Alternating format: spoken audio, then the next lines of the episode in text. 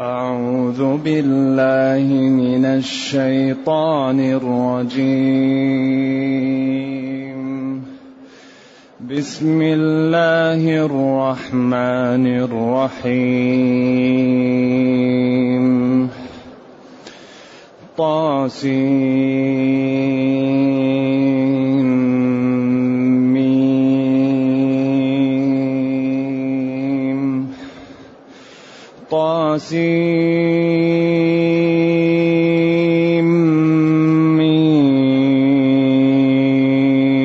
ميم تلك آيات الكتاب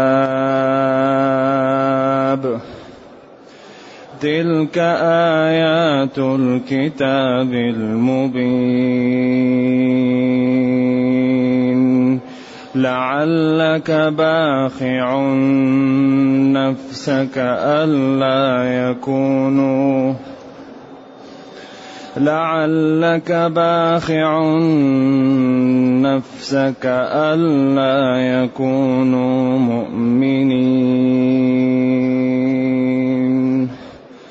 إن نشأ ننزل عليهم السماء آية فظلت أعناقهم فظلت أعناقهم لها خاضعين. وما يأتيهم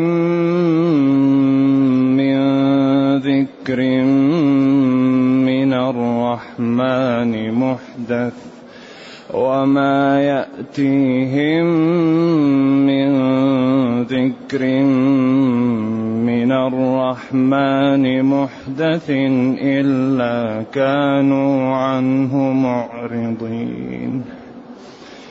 إلا كانوا عنه معرضين فقد كذبوا فسيأتيهم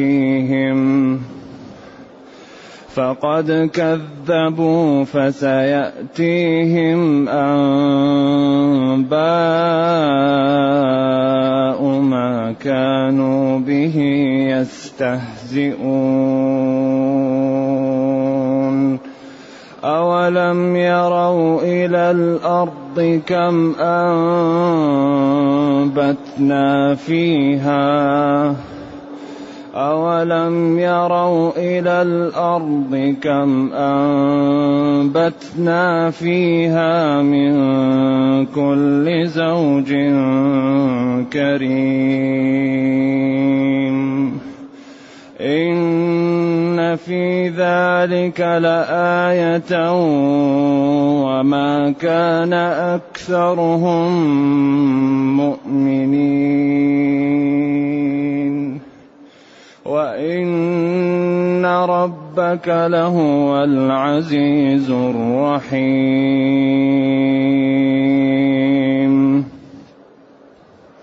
وإذ نادى ربك موسى أن ائت القوم الظالمين قوم فرعون ألا يتقون قال رب إني أخاف أن يكذبون ويضيق صدري ولا ينطلق لساني ويضيق صدري ولا ينطلق لساني فأرسل إلى هارون ولهم علي ذنب فأخاف أن يقتلون. ولهم علي ذنب فأخاف أن يقتلون قال كلا قال كلا فاذهبا بآياتنا. إنا معكم. فاذهبا بآياتنا.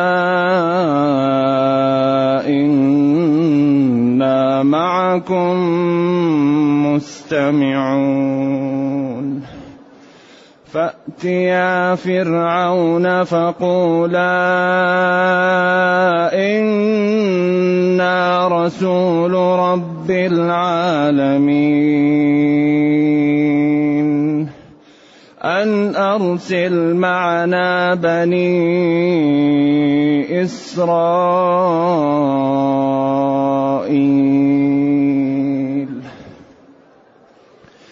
قال ألم نربك فينا وليدا ولبثت فينا من عمرك سنين وفعلت فعلتك التي فعلت وأنت من الكافرين قال فعلتها إذا وأنا من الضالين.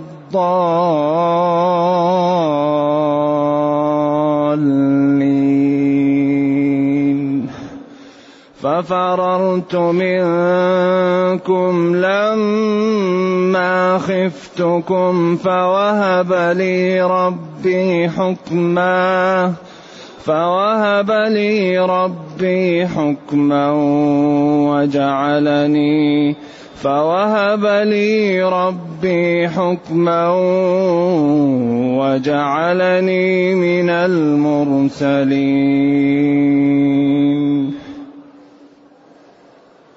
الحمد لله الذي أنزل إلينا أشمل كتاب وأرسل إلينا أفضل الرسل وجعلنا خير أمة أخرجت للناس. فله الحمد وله الشكر على هذه النعم العظيمة والآلاء الجسيمة. والصلاة والسلام على خير خلق الله وعلى آله وأصحابه ومن اهتدى بهداه. نحن اليوم نبتدئ بسورة الشعراء. بسم الله الرحمن الرحيم. طاسيم.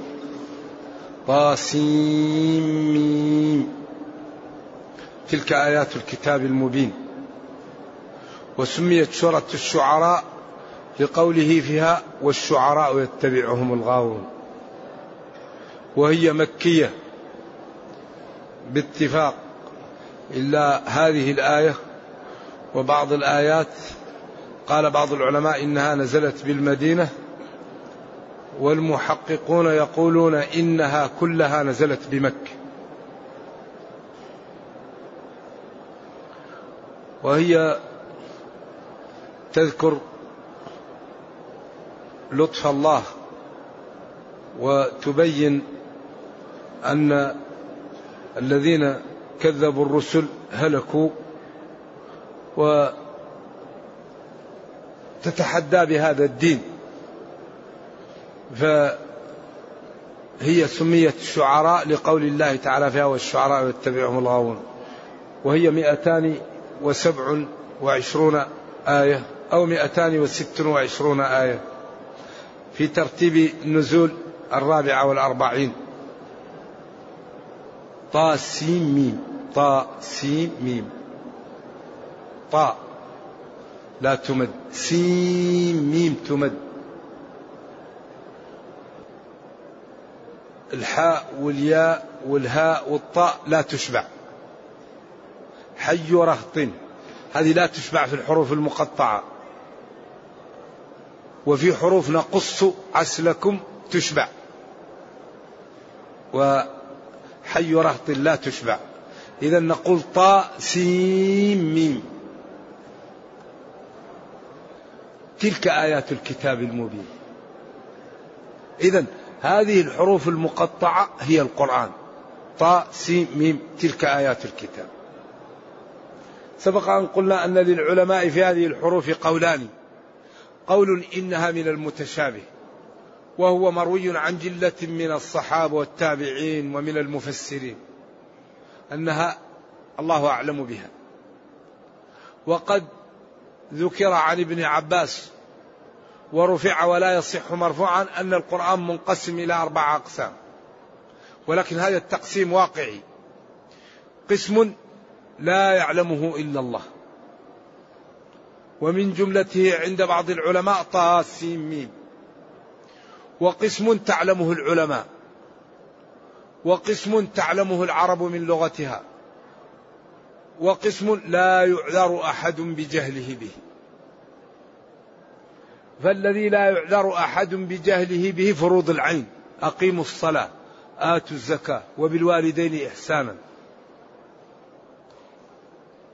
فروض فروض اللي إذا قمتم إلى الصلاة فاغسلوا وجوهكم. ولله على الناس حج البيت. هذا لا يعذر أحد بجهله به لأنه فرض على كل إنسان. وقسم تعلمه العرب من لغتها.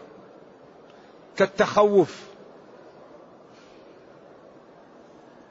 تخوف تنقص. قال عمر ما التخوف؟ قال له الهذلي. هذه لغتنا.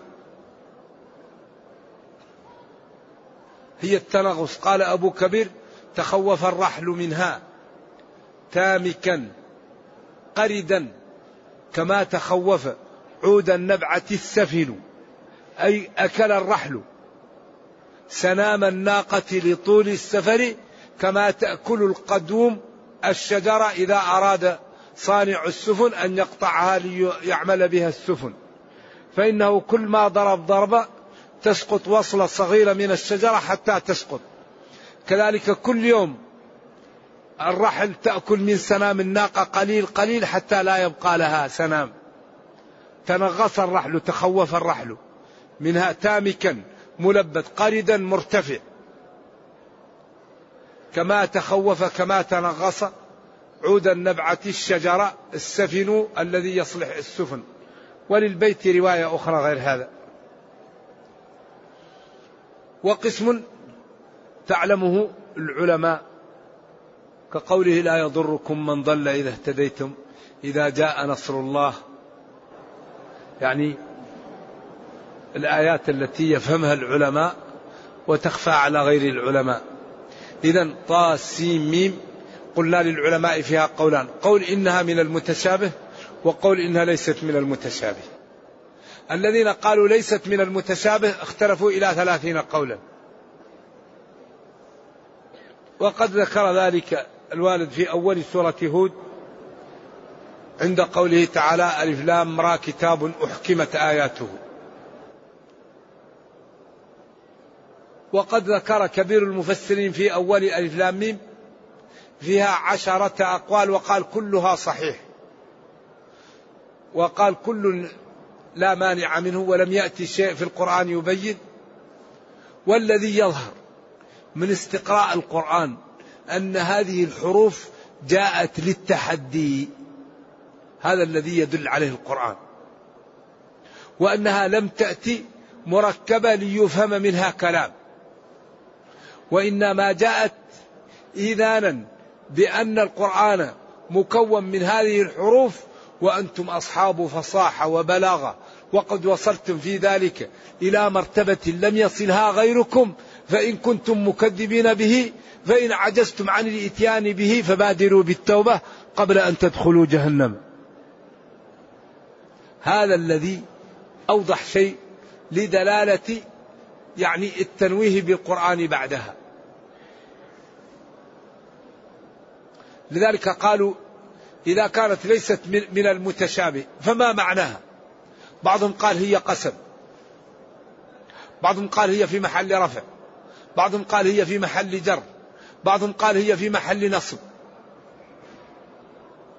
والذي يعني يحل الإشكال حسب يعني ما يتجه وهذه وجهة نظر ما هي ضربة لازم أنها جاءت لتنبه قريش على أن هذا القرآن بالحروف وباللغة التي تتكلم بها. ولذلك في أول ما جاء ألف حرف حلق واللام حرف من اللسان والميم حرف من الشفتين فكل الحروف إما حلقية أو من اللسان أو من الشفتين. فهو إيماء لجنس كل نوع من الحروف. حروف الشفتين وحروف اللسان وحروف الحلق. إذا هو مكون مما تتكلمون به وأنتم أصحاب فصاحة وبلاغة فأتوا بمثله. فإن عجزتم فاعلموا أن رسولي مرسل من عند الله وقد وعد المكذب به النار فاتقوا النار. وهذا أقرب شيء لدلالة الاستقراء عليه. تلك إشارة للبعيد. تي إشارة للمفرد. واللام البعيد والكاف للخطاب. آيات الكتاب آيات جمع آية والآية الحجة والعلامة. عرفت آيات لها فتوهمتها لستة أعوام ولا العام سابع إن آية ملكه أن يأتيكم التابوت علامة ملكه. وسميت الآية آية لأنها علامة على صدق من جاء بها وعلى إعجاز هذا الكلام.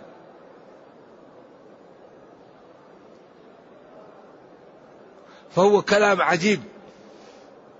الله تعالى اختار له أجمل الحروف في أجمل الكلمات في أجمل المعاني في أجمل النظم. فجمع بين السلاسة والفخامة وبين الجزالة والعذوبة وهذا لا يعد في كلام البشر. كلام جزل وسلس وفخم وعذب هذا لا يعهد. فهو أجمل كلام. تلك إشارة للبعيد آيات الكتاب المبين الواضح الذي لا لبس فيه تلك التي قرأت عليك والتي وضحت لك والتي بينت لك آيات حجج وبراهين هي آيات القرآن فلا يكن في صدرك حرج منه لتنذر به ولا يكن في صدرك حرج منه لتكذيبه ولا يكن في صدرك أمر فأنت منصور. وهم مهزومون. وهذه طريق الأنبياء قبلك فاطمئن. وسر على ما أمرك به ربك واعلم أنك لك النصر والغلبة ولهم الهزيمة وإن لم يتوبوا جهنم. والميدان. تلك آيات الكتاب المبين الواضح الذي لا لبس فيه. لعلك تأتي للإشفاق أو باخع نفسك. بخع نفسه إذا هلكها ووقعها في, الورطة. هالك نفسك. أن لا يكونوا مؤمنين. لعلك يا نبيي موقع نفسك في الهلكة أو في الألم الشديد وفي ما لا تستطيعه لأجل أن لم يؤمنوا بها بهذا القرآن؟ ألف لام ميم هي هذا الكتاب المبين المعجز. لعلك واقع موقع نفسك في الهلكة وفي الموت وفيما لا تستطيع رفعه عن نفسك. لأجل أن لم يؤمنوا به اطمئن واستريح. فنحن القادرون. الأمور بيدنا والأمر أمرنا. فما قلناه نافذ وما أردناه يكن. وهؤلاء ليسوا بشيء. نعم اطمئن. إن نشأ. إن أردنا أن ننزل عليهم آية من السماء آية فظلت أعناقهم لها خاضعين. إن نشأ ننزل إن نشأ ننزل عليهم من السماء آية. فظلت أعناقهم لها خاضعين إن أردنا أن ننزل عليهم آية تجعلهم يضطرون للإيمان ويخضعون فعلوا. ولكن نحن لا نريد هذا. نريد أن يدخل الإنسان في الإسلام باختياره ليقبل منه لأننا لو جئناهم واضطروا للإيمان من غير إذعان نافقوا ولم يؤمنوا. لذلك لا يريد الإقناع. ولكن لو أردنا أن. اليهود كانوا عندهم دين لكن قال لهم اسجدوا قالوا ما نسجد. نتق الجبل. الجبل جعلوا زي الوتن وإذ نتقنا الجبل فوقهم كأنه ظلة. قال لهم تسجدوا أو نحطوا عليكم. فسجدوا سووا كذا. ولذلك لا يسجدون إلا على الجنب لأنهم قالوا هذه الذي الله رفع عنا العذاب من أجلها. فالله تعالى لو يريد شيء يفعله لكن الإيمان الإلجائي ما يكون إيمان. الإيمان لا بد من دخوله في القلب ولذلك الله جعل لا إكراه في الدين. لأنك إذا أكرهت الناس على الدخول في الإسلام أرغمتها على النفاق. لكن لا أنظر في الأدلة. وانظر في الحجج والبراهين حتى تقتنع ويدخل الإيمان في قلبك. ذلك الدين لا يرغم أحد على أن يدخل فيه لكن لا يسمح لأحد بالخروج منه. قبل أن تدخل فكر لأنك إذا دخلت خلاص ما يسمح لك بالخروج. لكن كل الإسلام مقنع. كل شيء في الإسلام بالأدلة. ما يقول لك ارمي عقلك وتعال لا. الله الذي خلقكم ثم رزقكم ثم يميتكم ثم يحييكم. هل من شركائكم من يفعل من ذلكم من شيء؟ سبحانه وتعالى عما يشركون. ف إن نشأ ننزل عليهم من السماء آية فظلت أعناقهم لها خاضعين. الأعناق هنا للعلماء فيها قولان. قول يقول ساداتهم الأعناق هم السادة. القول فظلوا خاضعين لها وعبر عنهم بأعناقهم لأن إذا خضت العنق خضع الإنسان لأنه هي أعلى ما في الإنسان فإذا طأطأ طأطأ هو.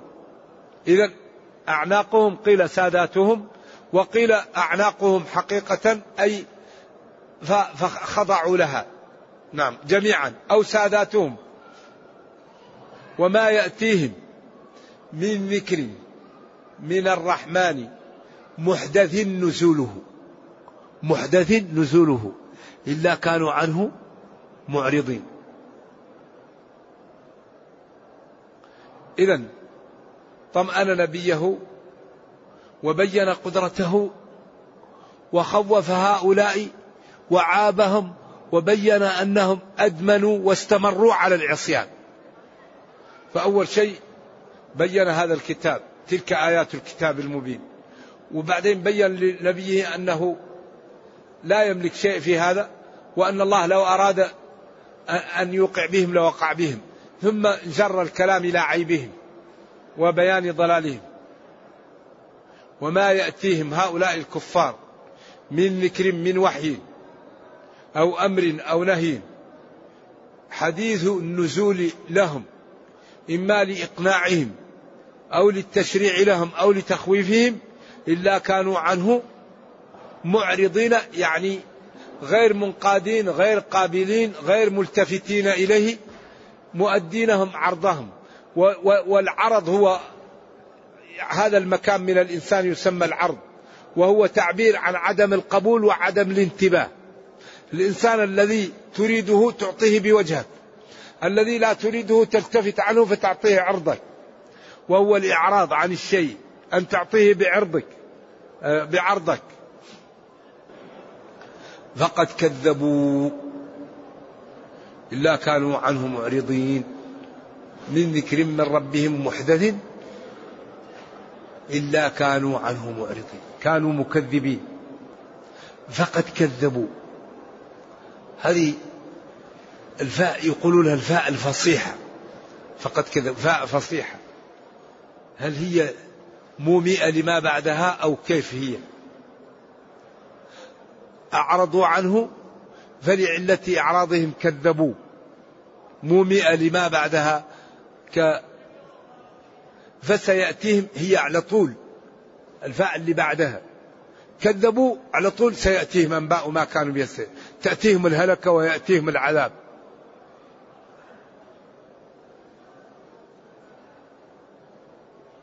ذلك كثيرا ما تأتي الفاء في القرآن مومئة إلى الحكم مومئة إلى العلة. في القرآن كثيرة وفي السنة. السارق والسارقة لعلة سرقتهما. الزانية والزاني لعلة زناهما. إنما المشركون فلا يقربوا المسجد الحرام كفنوه في ثوبيه فإنه يبعث يوم القيامة ملبيا.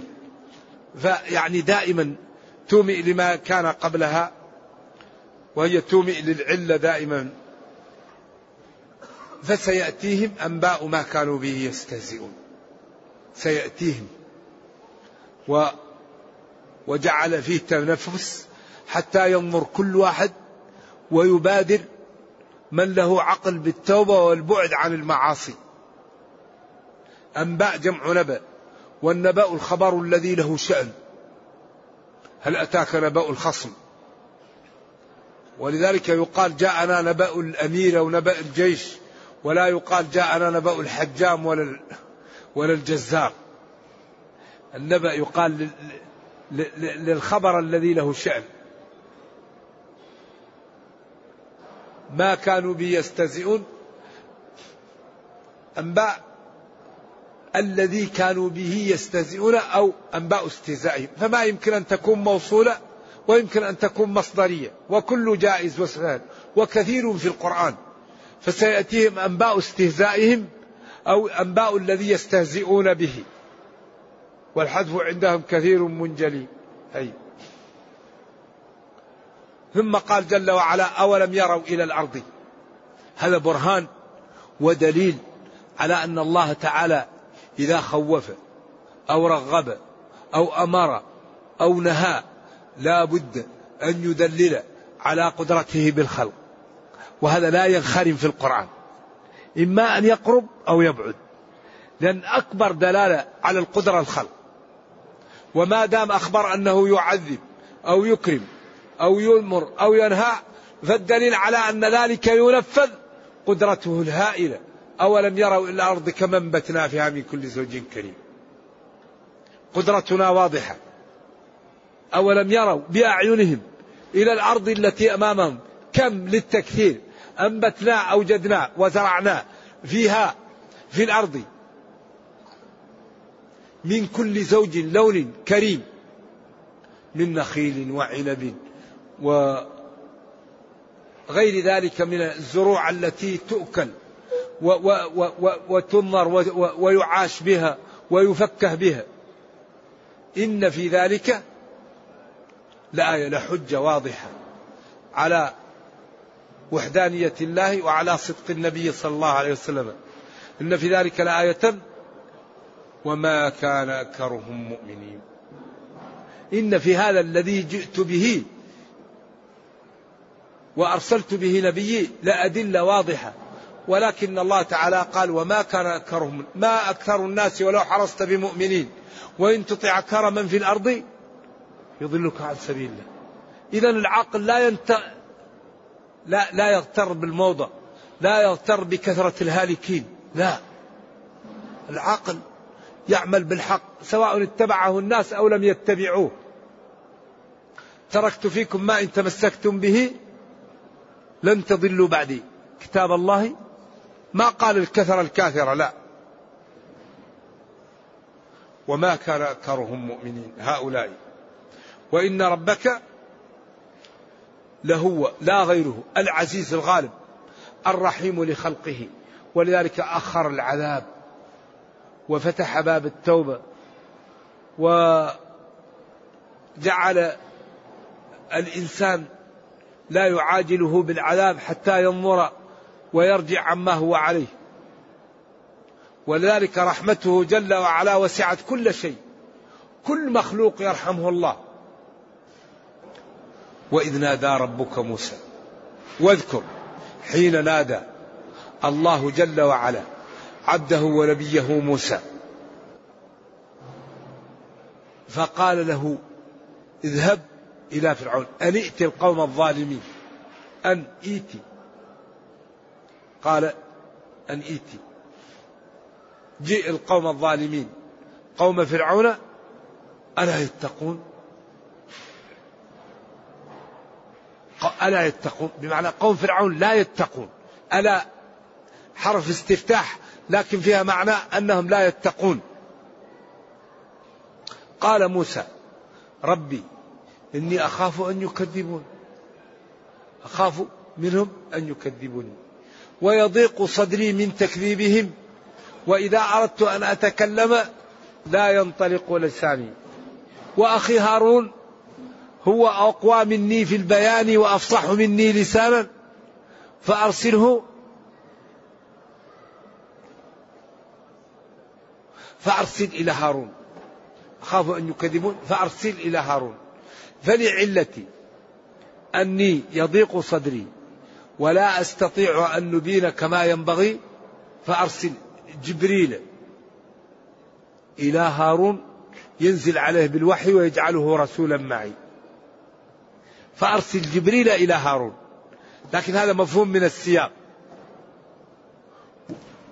وبنو إس و و والقبط لهم علي ذنب. لأني كنت بينهم وضربت واحدا منهم فقتلته وأنا لم أقصد وعند ذلك لم تأتيني الرسالة. فإن جئتهم فأخاف أن يقتلون. فأخاف أن يقتلون. إن أنا جئتهم. قال له ربه كلا لا يقتلوك فاذهبا أنت وأخوك. قال قد أوتيت سؤلك يا موسى ربنا كريم. ولذلك نقف هنا وقفة هذه أحسن واسطة في الدنيا. رجل يتوسط لأخيه ويكون رسول معه. بالله ينظروا إلى الهمة وإلى الفضل. ما قال أنا الرسول بس عشان نكون فوق أخي. لا قال له يا ربي أنت كريم ونريد أخي يكون يشد عضدي ويساعدني واجعله معي ردا قوة. قال قد أوتيت سؤلك أكبر واسطة في الدنيا واسطة موسى لأخيه هارون فجعله نبيا معه. ذلك الإنسان إذا استطاع أن يجر لإخوانه الخير يسويها. إذا دعا لنفسه يدعو لهم إذا عمل شيء يساعدهم. ولذلك النفع للإخوان مهم جدا. قال كلا ليس الأمر كما قلت. ما يقدروا يعملوا لك شيء ولا يقدر يقتلوك فاذهبا بآياتنا. أنت وهارون إنا معكم. مستمعون كل شيء على سماعنا وأعيننا. فأتيا فرعون. فقولا إنا رسول رب العالمين. إنا رسول رب العالمين. تقول زيد رسول والزيدان رسول والزيدون رسول. وقد تنظر فيه الوصفية فت فتجمع. إذا إنا رسول رب العالمين أن أرسل معنا بني إسرائيل. ولا تعذبهم.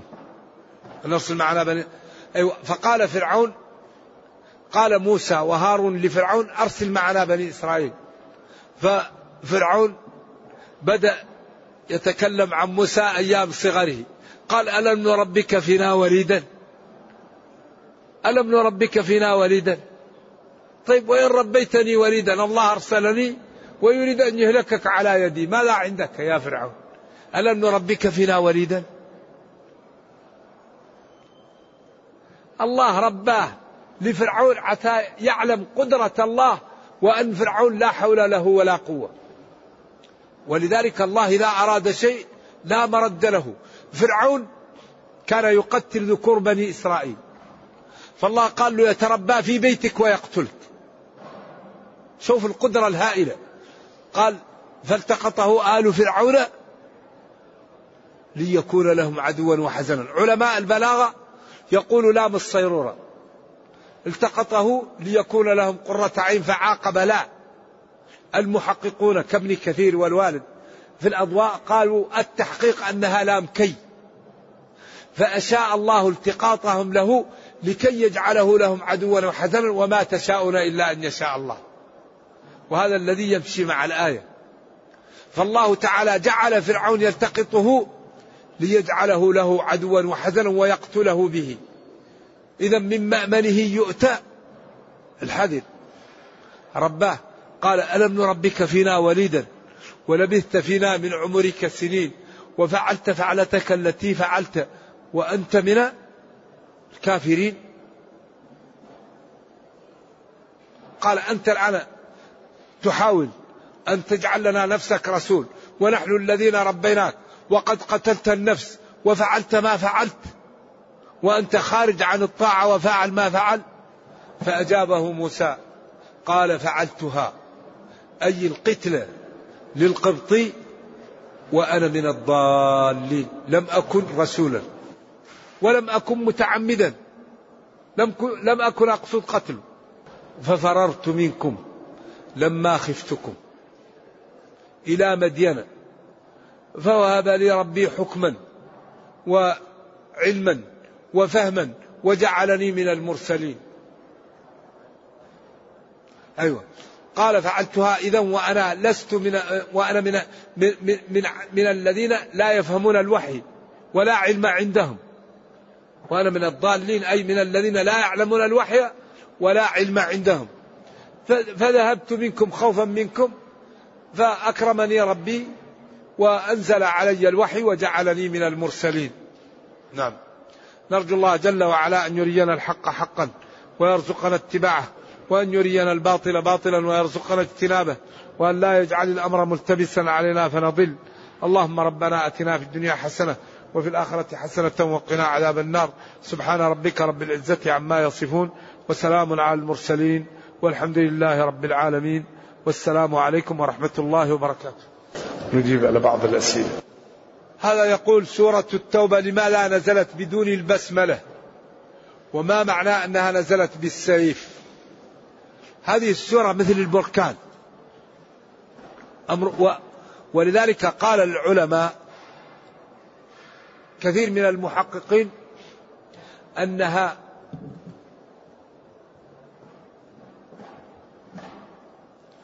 نزلت وتشابهت هي والأنفال عليهم فلم يكتبوا بينهم سطر بسم الله وهذا القول مرجوح. وإن قاله جلة من العلماء. والذي يظهر مع ضعف سنده أن البسملة لم يأتي فيها بسم الله الرحمن الرحيم لأنها نزلت بالسيف. وكانوا إذا كانت الخطب يراد بها القتال أو يراد بها نقض عهد لا يأتي في أولها بالبسملة يأتي على طول.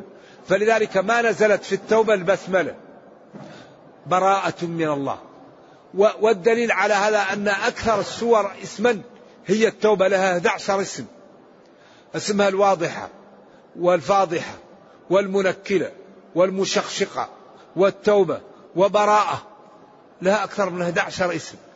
وفي البخاري عن البراء بن عازب آخر سورة نزلت التوبة. فكيف ما يعرف يفرق بين التوبة والأنفال؟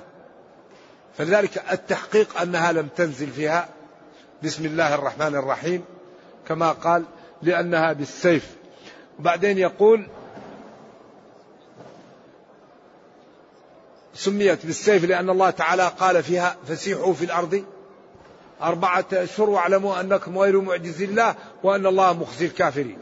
وبالاستقراء أمامكم واحد من ثلاثة أمور.